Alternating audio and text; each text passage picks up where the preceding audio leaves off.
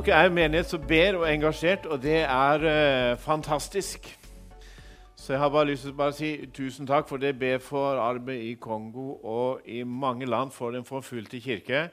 Og det er jo et stort privilegium å bli bedt for. Det er det. Og så er det et veldig privilegium å vite det at det er noen som ber.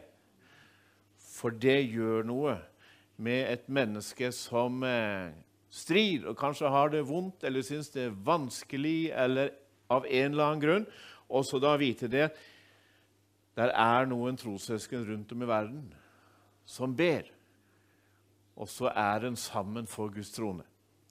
Fordi vi opererer i et litt eh, annet univers, eh, heldigvis, enn eh, det, eh, det, verden rundt oss kan gi. Så jeg har bare lyst til å si tusen takk for, eh, for det engasjementet. For det er eh, hjertevarme, det. det. Det kjenner jeg, og det kjenner vi. Og eh, det merker de i, i Kongo og sentral, Sentralafrikanske republikk og alle de landene der som dere var inne på. Fantastisk eh, viktig arbeid. Og så skjer det mange ting. Jeg skal komme litt inn på litt av det som er i Nigeria, litt, eh, litt seinere. Jeg har bare lyst til å, be først, så skal vi se en sånn liten film, og så skal vi dele Guds ord. Ja, kjære gode himmelske Far, vi takker deg igjen og priser ditt navn. Takk for at vi får være, være dine. Takk, Herre, for at vi skal få ha navnet våre skrevet i livets bok. Takk for din nåde i dag, Herre. Takk for din velsignelse. Takk, Herre, for at eh, du er så langmodig med oss. Herre, og stadig velsigner. Og du tilgir, Herre, og du skaper nye liv.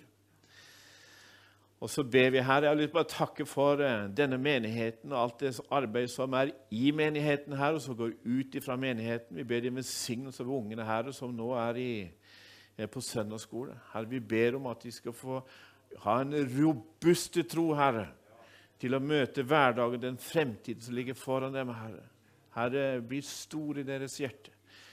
Herre, og du ser uh, våre hjerter, Herre. Vi ber om at det skal få være god plass i hjertet vårt for Den hellige ånd. Sånn at du får virke i oss, i oss og gjennom oss, Herre. Og så ber vi, Herre, at du åpner ordet for oss i dag, at du tar det til oss. At det får bety noe, Herre, for vårt indre liv, Herre, for vårt liv med deg, og for vårt eget liv, og for de vi har rundt oss. Mm. Amen. Skal vi se en liten snutt her. Hva er du redd for? Velger feil studie, økonomi, ensomhet, miste mennesker vi er glad i. Det er mye som er med på å skape frykt. Hver dag ser vi store oppslag i nyhetene. Krig, naturkatastrofer, pandemi. Mennesker på flukt. Mennesker som sulter. Mennesker som lider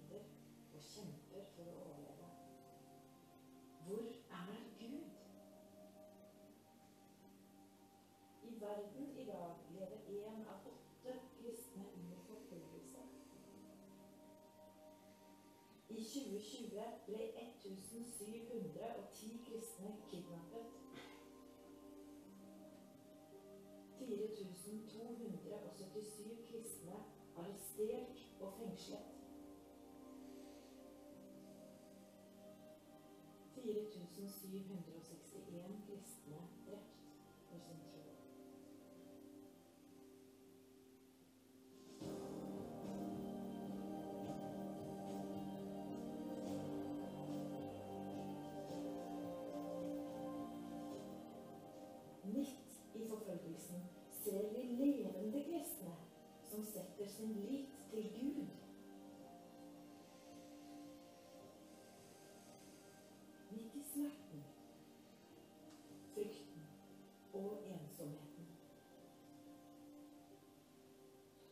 Jesus sa, 'Hvorfor er dere så redde? Har dere ennå ikke tro?'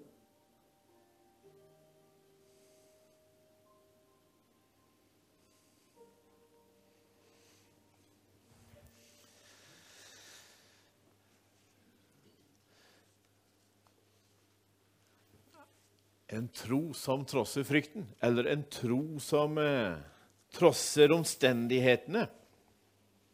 Det skal det handle litt om eh, i dag. Og eh, vi skal stoppe med noen vers i Matteusevangeliet som er litt kjente. Eh, for det henter fra saligprisningene. Og så er det litt, er, er litt sånn eh, Det er ikke alltid like oppløftende å lese sånne vers. Og så er det jo spørsmålet hva, hvilken hemmelighet eller hva er det som ligger i disse versene, som eh, Gud kan bruke i våre liv til å skape glede og kunne skape engasjement. Eh, for Jesus sier da salig er de som blir forfulgt for rettferdighets skyld, for himmelriket er deres. Ja, salig er dere når de for min skyld håner og forfølger dere, lyver og snakker ondt om dere på alle vis. Gled og fryd dere, for stor er lønnen dere har i himmelen. Slik forfulgte de også profetene før dere. Har du hørt om uttrykket påskelatter? Nei. Eh, vi er jo enige om at det, påsken Det skjedde noe i påsken som snudde opp ned på en del ting. Både i det åndelige, men også i at eh, på en måte Guds rike ble synlig på en ny måte i vår verden. Det skjedde i påsken. Og vi litt, kan få et litt annet perspektiv over ulike ting som skjer. Og så har det danna seg et uttrykk som heter påskelatter, og skal prøve å forklare hva det kan bety. For jeg vet ikke om dere kjenner til han her. Det er Irans store eller åndelige leder. Jeg måtte skrive det opp for å kunne sitere navnet. Ayatollah Saeed Ali Hosini Khomeini. Han, den, altså, den iranske regjeringen og presidenten fikk masse kritikk fordi at de gjorde for lite for å stoppe den voksende husmenighetsbevegelsen i Iran. Og de fikk så mye press og så mye tyn at det endte med at denne karen her, den åndelige lederen, han gikk på TV. Ikke bare på én kanal, men på alle kanaler, for det kan de i Iran. det kan de bare bestemme. Og så gikk han ut og så holdt han en tordentale til hele nasjonen eh, for å advare dem mot disse her forferdelige, farlige eh, husmenighetene som er i landet. Han holdt på nesten en time og bombarderte med negativitet og hvor farlig og alt dette her var. Og rundt om i Iran så satt det jo masse mennesker og så. For de kunne ikke se på noe annet. Så denne talen. Og så tenkte mange husmenigheter. Hva er det for noe? Fins de her?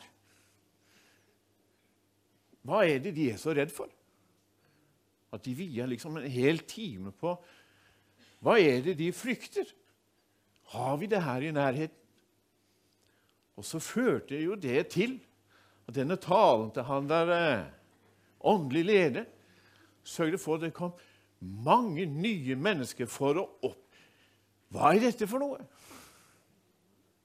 Ah, der er en frelser som vil meg vel. Og så husker vi på det uttrykket påskelatter. Da hadde han en agenda, men så ble det noe helt annet. Fordi at Guds rike det virker annerledes enn denne verdens rike. sant? Og det trenger vi å øve oss på å forstå som kristne. Eh, vi må se hva som egentlig skjer, for det er ikke alltid det vi ser med øynene våre, er det som er sant. Fordi at Guds rike har en mye større sannhet. Og så må vi trene oss i oss å se det. Eh, og så er det mange sånne historier en kan knytte til. Du, hvis en spør hvem har betydd mest for evangeliets fremgang i, i den arabiske verden eller Midtøsten på 90-tallet, hvem var den største evangelisten? Så begynner vi å tenke, for vi husker ikke noe sånt, men så dukker han opp, han her. Bin Laden, vet du. Han skremte jo vettet av millioner av muslimer. Er det dette vi står for? Er det dette det betyr å være muslim? Nei, det må jo være noe annet. Og så skremte han millioner av mennesker som gjorde det at de begynte å søke andre kilder, og bl.a. i husmenigheter og andre plasser. Fordi at det, Guds rike virker annerledes, og det er mye smerte i dette bildet. Selvsagt. Men Gud har en annen agenda, og vi trenger å se hva Gud virkelig gjør.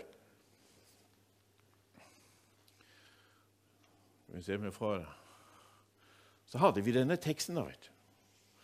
Som er hentet fra Bergprekenen. Det var jo en veldig kjent tale som Jesus holdt. Jesus var jo en, eh, var jo en, eh, en kjent taler. Folk likte å høre på han, så de, eh, så de kom og hørte på Jesus. Og så står det i, i slutten for denne saligprisningstalen, eller bergprekenen, den går over to kapitler i Matteusevangeliet. Og I slutten av talen så står det det at eh, folket de var slått av undring over Jesu lære, for han lærte dem med myndighet, og ikke som de skriftlærde. Så kan man lure på hvordan skriftlærere hva de holdt på med. Men når Jesus snakker til oss, når Jesus snakker til deg, og når Jesus snakker til meg, så handler det alltid om real life. Det er alltid virkelig liv. Fordi at Jesus snakker sant om våre liv. Og Jesus snakker ikke bare sant om våre omstendigheter og, og våre erfaringer, men Jesus han snakker sant om det som vårt hjerte er fylt av. Derfor er det mange mennesker også i landet vårt som er begeistra for Jesus. Men så er det en viss reservasjon i den begeistringen for Jesus. Eh, fordi at eh, vi vet at når Jesus snakker til oss, så snakker han om vårt virkelige jeg. Eh, og så bærer vi mennesker på en sånn fristelse da, til å prøve å omdefinere Gud. Eller eh, forandre Gud, eller videreutvikle Gud med tiden. Vi lever jo tross alt i 2021. Har du hørt den? Ja. Akkurat så det var et tall for vår Gud, som er den samme fra evighet til evighet. Vi lever jo tross alt i 2021. Ja. Hvor kommer den fristelsen fra? Selvfølgelig flere ting. Men en av grunnene det er jo den dype erkjennelsen i oss at vi vet at skal det skje en forandring, så må den forandringen begynne i mitt hjerte. Det er der det må begynne. Det er jo der vekkelsen må begynne. Hjelper ikke å be om vekkelse for nærme hvis det ikke begynner i hjertet vårt. For det må begynne hos oss. sant? Dette vet vi. Vi vet vi trenger forandring, og dette vet i grunn veldig mange mennesker. Eh, men så er det jo dette det at når vi vet det, så kommer det jo også en erkjennelse at ja vel, jeg må gjerne, velge, må gjerne dø ifra meg sjøl. Det er gjerne ting i mitt liv som ikke er sånn som jeg eh, Ja. Og så liker vi ikke å dø. Vi er redde for å dø. Yes. Og så kan det være veldig fristende for oss å prøve å ta en avstikker på trosreisen. Og det er da en fort kan bli religiøs. Og Det var nok det som var problemet for de skriftlærde som hørte denne talen til Jesus. da. Eh, skal jeg bare gjøre sånn. Fordi at eh, i avisa The New York Times, det er en lokalavis i USA Der sto det en notis for noen år siden om et tyveri fra uh, The Church of the Holy Cross, som ligger på, på Manhattan. Fordi at Rett før gudstjenesten en, en søndag i august så oppdaga vaktmesteren i kirka at en over 100 kilo tung Kristusfigur var vekke. Det var fjerna fra det store trekorset i kirka. Og Måten dette tyveriet var gjennomført på, vekte mer oppsikt enn faktisk at denne figuren var vekke. For disse tyvene hadde altså klatra opp på veggen i stige, løsna figuren fire, som var festa med fire bolter, tatt den med seg. Eh, ja. De fjerna Jesus. Og så sier denne vaktmesteren til denne lokalavisa Han sier det at 'Jeg tror de må ha tenkt at eh, vi lar korset bli igjen' og ta Jesus med oss. Vi vet ikke helt hvorfor de bare tok Jesus, men jeg tenker at når de først tok risikoen, hadde det vært enklere å ta hele krusifikset. Og Så ble vaktmesteren egentlig den gode predikanten i kirka den søndagen. De ville ha Jesus, men ikke korset. Mhm. Hvordan er det med deg? Vil du helst ha Jesus uten kors? Ønsker du deg en Jesus uten korset? For mange år siden så jobbet jeg på noe som heter Norsk Hydros forsyningsbase på Mongstad i Hordaland. Nå heter det jo Vestland, så det er nesten umulig å vite hvor det er, for det er jo blitt så stort. Men Det er nord for Bergen. Der jobbet jeg. Jeg var tidlig, tidlig i 20-årene. Eh, var en eh, nykristen mann. Eh, og eh, hadde med meg litt sånn eh, negativ bagasje fra min, fra min kristne oppvekst der, der jeg vokste opp. Litt prega av det. Men det er en annen historie. Hver lunsjpause vi spiste sammen, så tok min kollega vi kan kalle han Alf, tok han fram sin matpakke, folda sine hender, og så ba han en stille bønn før vi spiste. Og dette der, det skjedde hver dag. Og, og hver dag så ble dette litt sånn negativt bemerka av de andre kollegaene. De gjorde litt narr av han. Det ble litt sånn, sånn eh, ja, det ble en sånn, sånn negativ eh, ironi i dette. her, sånn at Dette medførte at Alf han ble liksom aldri en sånn aldri sånn skikkelig del av arbeidsgjengen pga. dette her. Han blir liksom litt sånn på utsiden. Og jeg tenkte jo at hvorfor, ja, Du kan jo bare be inni deg. Må du demonstrere hver dag og gjennomleve det der som du uh, går igjennom? Og Min synd ble jo det at jeg ikke vågte å stå sammen med Alf. Jeg prøvde liksom å stå liksom litt sånn i midten. Men det er jo et håpløst prosjekt uansett. sant? Nøytralitet er jo ikke noe som finnes når vi har med Guds rike å gjøre. sant? Jeg var ikke modig nok, så du kan si det sånn at jeg ville veldig gjerne ha Jesus. Men korset, det ville jeg ikke bære på arbeidsplassen på Norsk Hydro. I vårt samfunn i dag så er det sterke krefter på gang som vil påvirke barna våre, påvirke ungdommene våre. Ja, de vil påvirke oss som foreldre og besteforeldre, og alle her vil ha oss i en viss retning.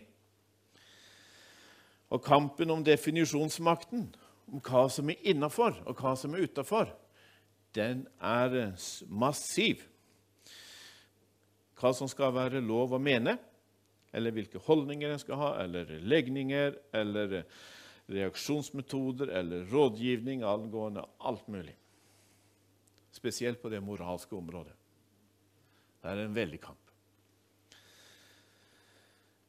Helt ned i barnehagen ønsker en å ha disse kreftene inn, sånn at unger kan få utforske mangfoldig seksualitet. Eller mangfoldig kjønnsidentitet. Og så kan en ikke bruke må ikke si eh, mor og far og sånn, du må si omsorgspersoner. og Det er mange sånne typer ting som vi bare kan ta som eksempel nå. Og kampen om matpakken blir jo liten i forhold til den kampen som mor og far og andre må velge å ta for å si fra hva en syns er greit og ikke greit. Eller la være å ta. Alt ettersom. er det en løsning å ta med seg Jesus og la korset bli igjen.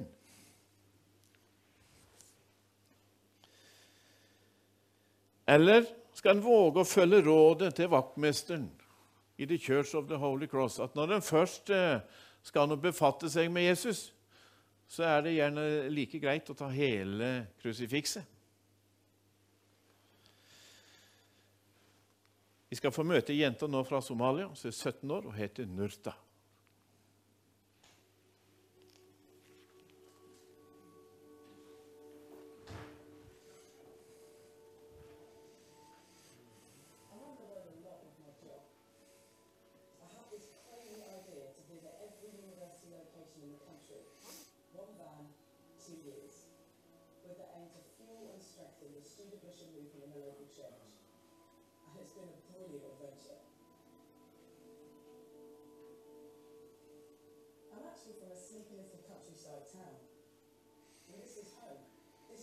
Grew up.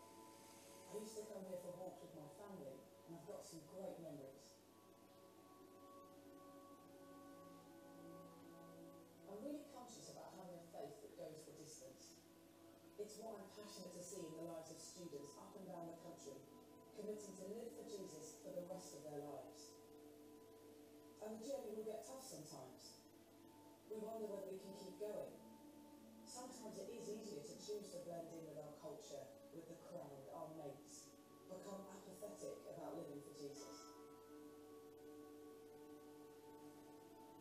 I recently heard about Myrta, and I was blown away by her story. Her journey of faith was a short one, but in that short time, she made it count. She was sold out for Jesus. Myrta was 17,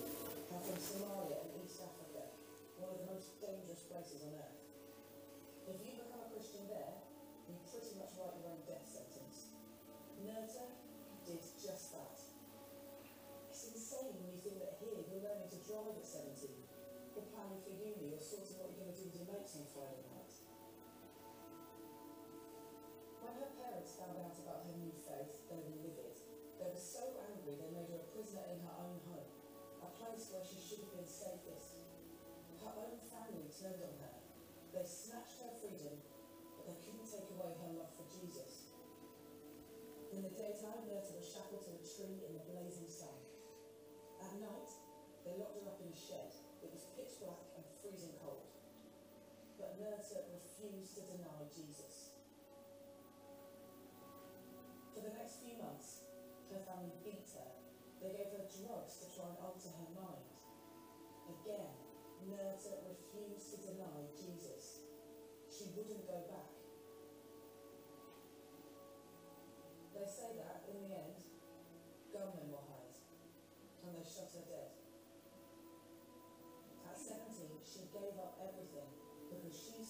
In Jesus worth living and dying for.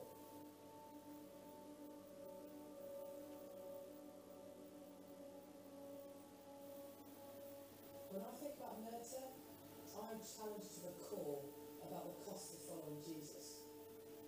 We have a God who laid down his whole life, gave everything for us. I want to be part of a generation whose response to him is passionate devotion. We won't be turned back. We won't stop.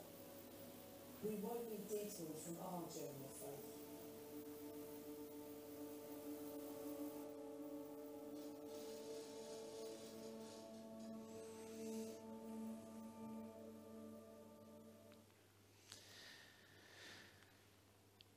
Vi vil ikke ta avstikkere fra vår trosreise. For et par år tilbake så fikk jeg også lov til å reise i Afrika. Eh, I nord i Nigeria. Og eh, Nigeria er jo det landet i verden hvor det drepes flest kristne hvert år. I fjor så ble det drept 3500 eh, kristne. 17 hver dag. Fordi de tror på Jesus. Så det er noen som kaller på våre bønner, folkens. Fordi at kirken vår, brødrene våre, søstrene våre, de blør, og de roper til Gud. Oppe i en av disse nordstatene så fikk jeg besøke et pastorseminar. Et sted som de utdanner pastorer, som de sender rundt i disse lokale menighetene nord i Nigeria. Og eh, det var for det første en fantastisk dag å få lov til å være sammen med dem. Det var en stor ære. Og så tok jeg en eh, tur innom biblioteket deres. Det vil si, de hadde en bokhylle i et rom. Og så fant jeg en bok med en veldig utfordrende tittel. For boka sier 'Pain, the gift nobody wants', altså, altså smerte eller lidelse, gaven som ingen vil ha. Og så sto det en advarsel på coveret. At a life without pain can really hurt you. Altså et, et liv uten lidelse kan være veldig skadelig for deg. Er det sant? Er det en riktig påstand? Det var en kinesisk pastor som snakka en gang om hvorfor det er sånn at kirken i Nord-Korea, altså i det landet som vi regner for å være det vanskeligste landet å være kristen i Hvorfor er det sånn at kirken i Nord-Korea vokser på tross av forfølgelsen? Jo, sier han, det er fordi at våre trossøsken i det landet de har oppdaga lidelsens gave. En gave som mange andre kristne er redd for. Altså, De går glipp av den gaven fordi de ikke våger å åpne den. Og så leste han ifra Filippe-brevet, der Paulus sier at for Kristi skyld fikk dere den nåde ikke bare å tro på Han, men også å lide for Han. Og dere står i den samme kampen som dere, sett, som dere før har sett meg kjempe, og dere hører at jeg fremdeles står i den. Lidelsens gave. Det har jeg snakket om med dere før, for det utfordrer meg så djupt i hjertet. Hva er det? Dette er jo to uh, kjente karer i Norge, vil jo tro for de aller fleste. Om en er interessert i sport eller ikke. Det er jo imponerende med Karsten Warholm og han uh, Jakob Ingebrigtsen, som uh, klarer å være best i verden i en idrett som hele verden driver på med. De driver ikke springer rundt på ski, og sånn, for det er jo ikke så, det, men her, de springer på beina. Det gjør de over hele verden. Så det er en enorm innsats. Fantastisk. Og Vi liker å se på dem, og vi sier gjerne det at i, dag så tok Norge gull. Vi vant, sier de på TV. Vi vant i dag. Nok, nok en gullmedalje til Norge. Vi liker å høre det. Eh, enda en gullmedalje til Norge. Sant? Så gleder vi oss. Men de som, de som virkelig tok gullmedalje, da, de to karene her, da de eh, kan nok fortelle oss om ganske mye smerte. Om å være sliten eh, og lei og våt, om beinharde prioriteringer, om å være irritert og skada. Vi har gjerne sett litt på denne Ingebrigtsfamilien på TV. Sant? Det er jo litt av et liv. Eh, eh, så det kan de nok fortelle om. Og av og til så forteller de litt om det med det som er deres fokus. Hva er det? Jo, det er at dette er nødvendig. For skal vi hente hjem denne gullmedaljen, så er dette en del av prisen. Det er sånn det må være. Vi kommer ikke hjem med noen gullmedalje uten beinharde prioriteringer og uten slit. Sånn er det bare. Altså Veien til seierskransen handler om å ha et større bilde på innsiden enn omstendighetene på utsiden. Vi tok den. Bildet til seier handler om å ha et større bilde på innsiden enn omstendighetene på utsiden. Og det gjelder ikke bare når han skal springe over noen hekker. altså.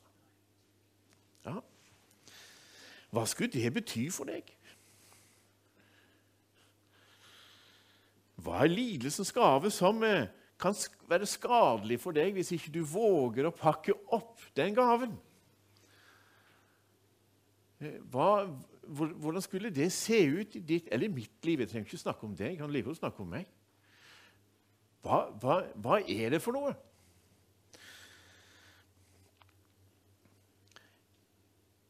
Dette er Aisha. Og Aisha hun bor i et av verdens farligste land å være kristen i. Et av de øverste landene som er på Åpne dørers forfølgelsesliste, hvis du kikker på den.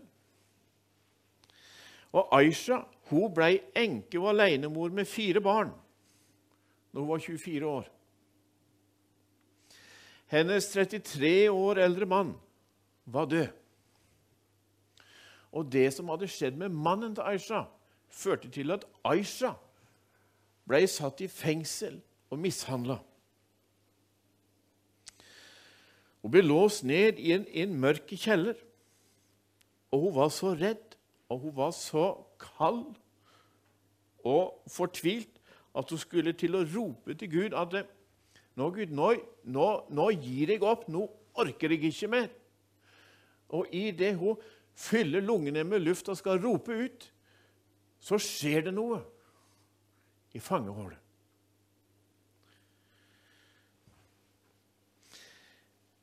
For det var en, en, en kristen organisasjon, litt liksom det som vi hørte her sant, fra Kongo og starter arbeid. sant? Denne kristne organisasjonen de hadde startet en helseklinikk eh, og drev den i en by i dette landet.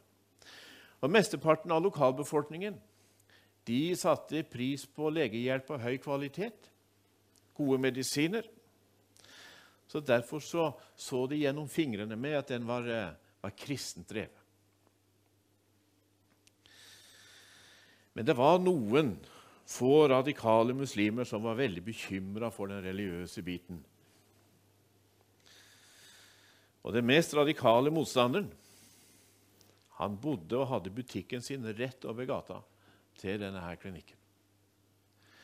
Og hver dag så forbanna han helsepersonalet med navn. Og han forbanna alle som brukte denne klinikken. Og han eh, satte andre opp mot denne klinikken. Og han brukte fredagsbønn i moskeen til å agitere mot denne klinikken. Han var en sint mann, full av hat, spydde ut eder av galle hver eneste dag for denne her klinikken som lå over gata.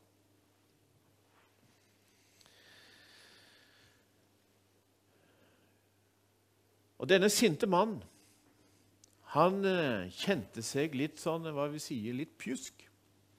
Kjente det at det drar på årene, som du var inne på, at han kjente at det er et eller annet. Så han gikk til legen. Og så sier legen det at eh, ja, du kom for seint. Du skulle vært der for lenge siden. Du har kreft. Det har kommet altfor langt. Vi kan ikke gjøre noe. Du skulle sagt det har vært der for lenge siden. Eh, det lo lokalsamfunnet fikk vite dette. Så er det sånn i en del av disse muslimske landene at de begynte å se på han da, som smittefarlig. Så de slutta å bruke butikken hans. Så nå var han ikke bare sint og hatefull, men han var konkurs snart. Hadde ikke noe å leve av. Og han er syk, og han er døende. Helsepersonellet på klinikken ser hva som skjer. At det er ingen som handler i butikken hans. Så de bestemmer seg for å begynne å handle hos han. Så de går over gata, kjøper varer der, spør hvordan er det med deg, hvordan er det med din familie, er det noe vi kan gjøre for deg, trenger du noen medisiner, trenger du noe for smerten? Og så får de begynne å vise omsorg for han og pleie han. Og hver gang så sier de, vet du hva, vi ber for deg, vi ber for din familie.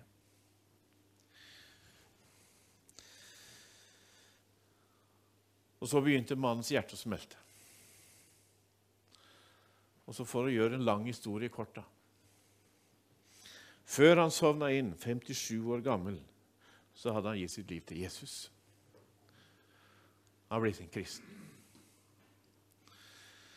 Aisha hun var den yngste kona til denne mannen. Og hun så hvordan dette helsepersonalet viste omsorg for han som hadde stått der hver eneste dag og forbanna dem over gata. Så hun oppsøker klinikken og vet hvorfor all verden hva er det som, Hvem er dere? Hva er dere lagd av? Hva er, som, hva er, det som, skjer? Hvorfor gjør dere dette? Og så ender det jo med at Aisha òg får ta imot Jesus. Hun får ikke bare ta imot Jesus, men hun begynner å vitne om Jesus, for det skjer en radikal forandring i Aisha. Så hun begynner å dele Jesus med sine venner. Hun begynner å dele med naboene sine. Hun begynner å dele med så mange at hun blir et problem for myndighetene, som arresterer henne og ville ha henne til å fornekte troen på Jesus. Og så er de veldig stygge med henne, må du vite. De behandler henne veldig dårlig, veldig respektløst. Alt for å få henne til å fornekte troen på Jesus. Men Aisha er som Nurta. Jeg kan ikke fornekte troen på min frelser og Herre. Og Til slutt så ble hun kasta ned i en rå jordkjeller under politistasjonen. Det er helt mørkt, men der er mye kakerlakker og mye rotter. Og Aisha blir livredd.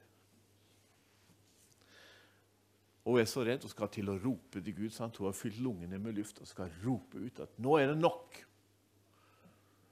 Og idet hun skal sette ord på det, så kommer det ut en sang fra munnen hennes. En takkesang. Hun begynner å takke Gud. Og hun blir helt satt ut sjøl av å høre sin egen stemme, som begynner å takke og prise Gud. Og så ble hun helt overvelda av Guds nærvær. Og så begynner hun på en måte å synge med sin egen stemme. Så begynner hun å synge takkesanger til Gud.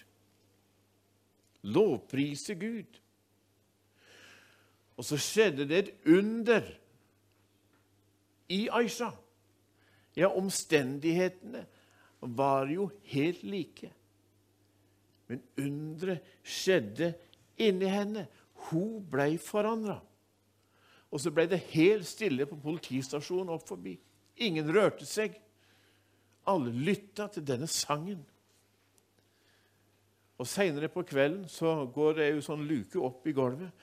De henter henne ut, stiller henne foran politisjefen. Og han sier, 'I kveld skal jeg la deg gå hjem.' 'Jeg skal kjøre deg hjem sjøl.' Fordi Nei, på én betingelse, sier han. Skal sette deg fri? På én betingelse. Fordi, sier han, at eh, jeg skjønner meg ikke på deg. For her har du blitt arrestert, du har blitt mishandla, respektløst behandla. Du har vært innesperra. Og så virker det på meg som om du ikke er redd for noen ting. Kona mi, døtrene mine, ja, alle kvinnene i min familie de er redd for alt mulig. Som tre dager så kommer jeg hjem til deg og henter deg. Og Da vil jeg ta deg hjem til mitt hus, og der skal jeg samle hele min familie. Og jeg vil at du skal fortelle hvorfor du ikke er redd. Og så vil jeg at du skal synge den sangen.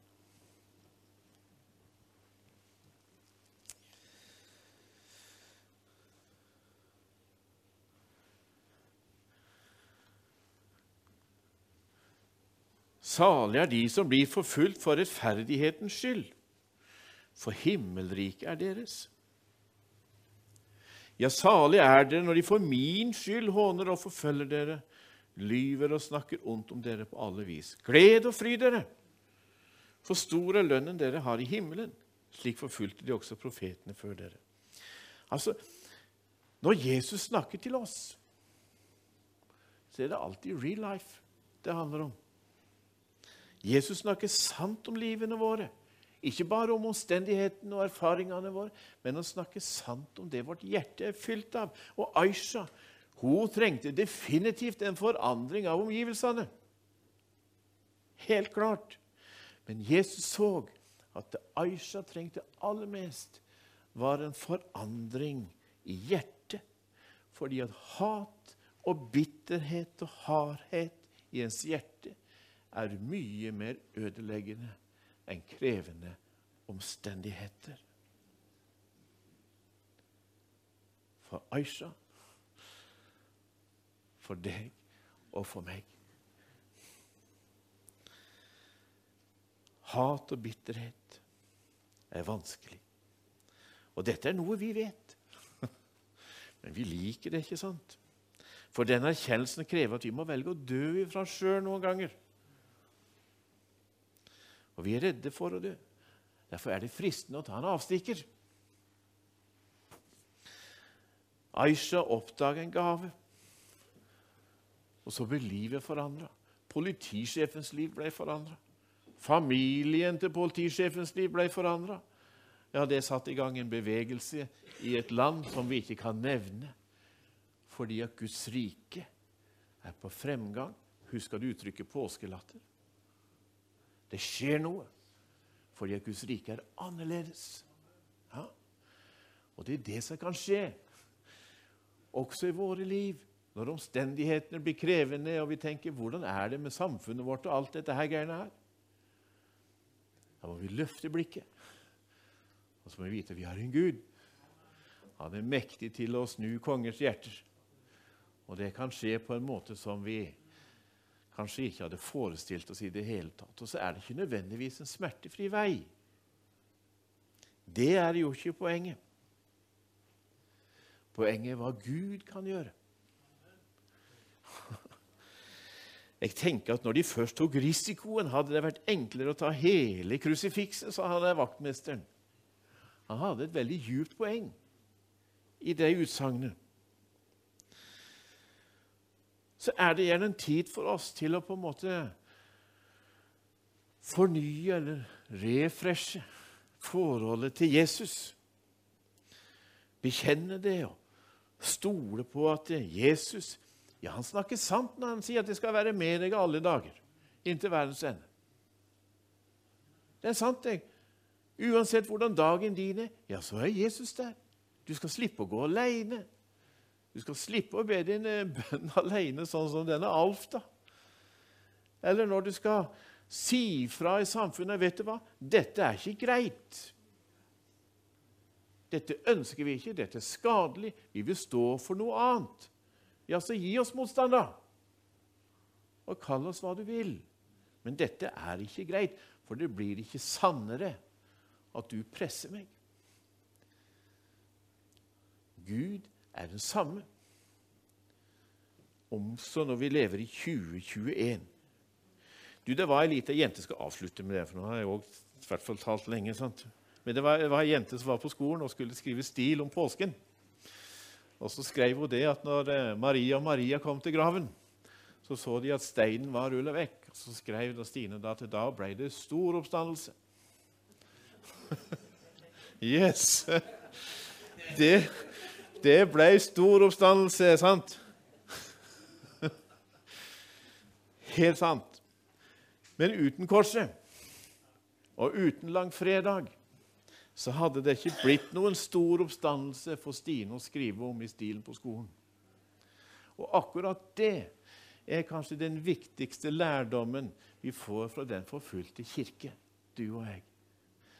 Derfor er det så viktig, det som dere gjør og praktiserer i høyeste grad og ta det med inn i deres meningsliv. For vi vet at de sitter på noen erfaringer som du og jeg trenger når vi skal møte dagen i morgen i et samfunn som blir mer krevende for oss mennesker.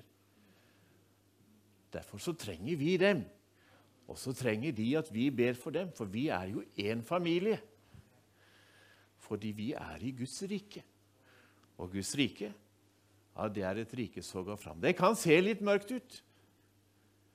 En sånn Osama-greie, sant? Men tror ikke du Gud kan uh, gjøre noe med det? Selvfølgelig kan han det. Fordi er Guds rike annerledes enn det som er rundt oss. Og våre barn, de som er på søndagsskole, de trenger det enda mer. Våre barnebarn. Hva må ikke de ha? Jeg, var, jeg har gjerne fortalt det før, da. det er jo kona sier det stadig repeterer meg, og det har sikkert noe med alder å gjøre. det vet jeg. Men vi var i hvert fall og traff noen ledere i Egypta. Og så hadde vi med oss en journalist. Og så var dette her rett etter revolusjonen sant, på Tahir-plassen. Og alt dette her, og Det muslimske brorskap hadde satt fyr på 70 kirker på et døgn. og var veldig sånn hardt press i Egypt på den tiden. Så sier den journalisten da, til disse lederne så, Hva er strategien deres for å kreve deres rettigheter i samfunnet? Og så ble de litt sånn spørrende, disse lederne, for de skjønte liksom ikke helt hva de mente. Og så sier de at ja, vi har jo ikke noen strategi på det, for det vil jo føre til krig. Da må vi begynne å slåss, og det er jo det de vil. De vil jo slåss med oss, og de er mye dyktigere å slåss enn vi.